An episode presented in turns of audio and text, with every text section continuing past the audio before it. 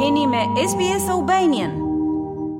Presidentja Vjosa Osmani dhe kryeministri Albin Kurti po qëndrojnë në Paris ku po marrin pjesë në forumin e paqes. Presidenten dhe kryeministrin i ka pritur presidenti francez Emmanuel Macron. Në takim thuhet se është diskutuar për thellimin e marrëdhënieve bilaterale në mes dy shteteve dinamizimin e dialogut Kosovë-Serbi si dhe zhvillimet e fundit në Kosovë. Sot dy zyrtarët më të lartë të Republikës së Kosovës i janë drejtuar këtij forumi. Presidentja foli për situatën e fundit në Kosovë. Ajo theksoi se nuk mund të bëhesh mik me dikë që ka tendenca luftarake ndaj fqinjit të tij. Ndër të tjera, Osmani bëri të ditur se situata e Rusisë dhe Ukrainës është mësimi i dytë që nëse agresori shpërblehet vetëm do të Inkurajohet agresori që të sulmojë një vend të caktuar pas ca vitesh. Përafrimi i autokratëve apo afrimi me regjimet gjenocidale apo hegjemoniste nuk sjell kurrë më shumë paqe, sjell vetëm më shumë luftë.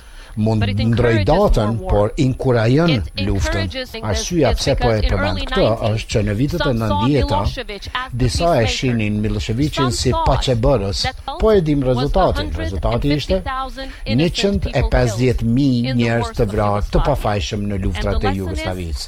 Ndërkaq kryeministri Albin Kurti, derisa i është drejtuar Forumit të Paqes në Paris, tha se Kosova ka filluar normalizimin e marrëdhënieve me Serbinë, por ai theksoi se Serbia duhet të distancohet nga e kaluara dhe e tashmja. Sipas kreut qeveritar, Serbia ka dështuar në demokrati tizimin e vet dhe kërkon më shumë konflikt sesa bashkëpunim. Kosova kërkon marrëdhënie fqinjësore të mira me Serbinë fqinjë dhe jemi gati të zgjasim dorën për një vend që ka kryer gjenocid ndaj vendit tonë, nëse ata janë gati t'i çlirojnë grushtat e tyre.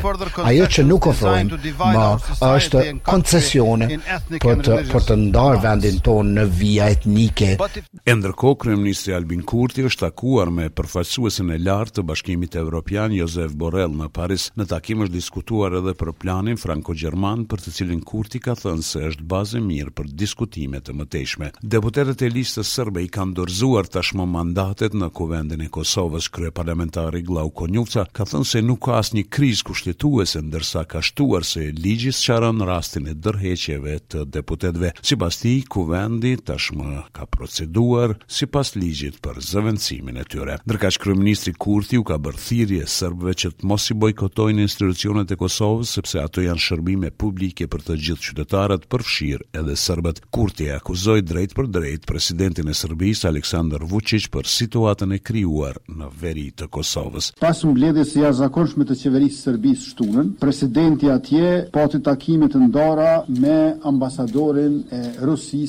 dhe atë të Kinës. Kjo tregon qartë se presidenti i Serbisë takohet dhe koordinohet me Rusinë e Kinën, prandaj edhe çfarë po ndodh tani shpjegohet më së shumti me përpjekjen e Beogradit për ta amballazhuar kundërshtimin e nismës franko-gjermane, Edhe punonjësit serbë nga Policia e Kosovës kanë braktisur institucionet. Siç ka njoftuar policia, numri i dorëheqjeve të punonjësve të uniformuar dhe atyre civil, nga rendi publik, kufiri dhe hetimet ka arritur në pesëqind e shtatëdhjetë e tetë. Për dorëheqjen e policëve ka folur edhe ministri i Punëve të Brendshme, Xhelal Sveçla. Zyrtarisht janë paraqitur pesëqind e shtatëdhjetë e tetë dorëheqje, prej të cilave katërqind e gjashtëdhjetë e një nga Policia e Rendit Publik, njëqind e shtatë nga Policia Kufitare dhe dhjetë nga hetimet. Dorëheqjet brenda Policisë së Kosovës po vijnë pas kërcënimeve e shantazheve, me ç'rast rrezikohet edhe ekzistenca e vetë këtyre zyrtarëve policorë në rast se nuk japin dorëheqje. Institucionet tona po punojnë për ofrim të sigurisë për çdo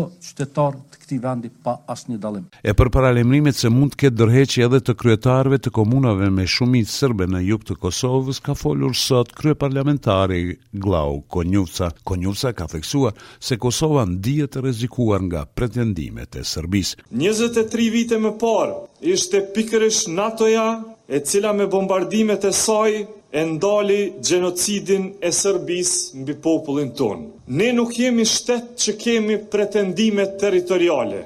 Ne jemi republikë demokratike, Por ne ndihemi të kërcënuar nga pretendimet e Serbisë mbi shtetin tonë. Kryetari i AAK-së, Ramush Haradinaj, ka propozuar një rezolutë katërpikëshe, të cilën do ta dërgojë në Kuvendin e Kosovës për votim. Haradinaj ka thënë se ka drejtuar një shkresë në Kuvend, duke kërkuar me urgjencë mbajtjen e një seance me pikë të vetme interpelancë me kryeministrin Albin Kurti. Situata politike dhe e sigurisë në Kosovë është ndër më të rëndat në po njëzet e dy vjet. Serbia, me aleatët e saj, ka krijuar një skenar të destabilizimit të situatës në Kosovë, duke urdhëruar përfaqësuesit serbë të institucioneve shtetërore e publike dhe ato të sigurisë që t'i braktisin institucionet e Kosovës. Haradinaj tutje ka shpalosur katër pikat nga rezoluta e propozuar, duke ftuar qeverinë që të marrë masa të menjëhershme si nevojë e daljes nga gjendja e krijuar. Qeveria e Republikës së Kosovës të marrë vendim menjëherë për shtyrje të vendimit për targa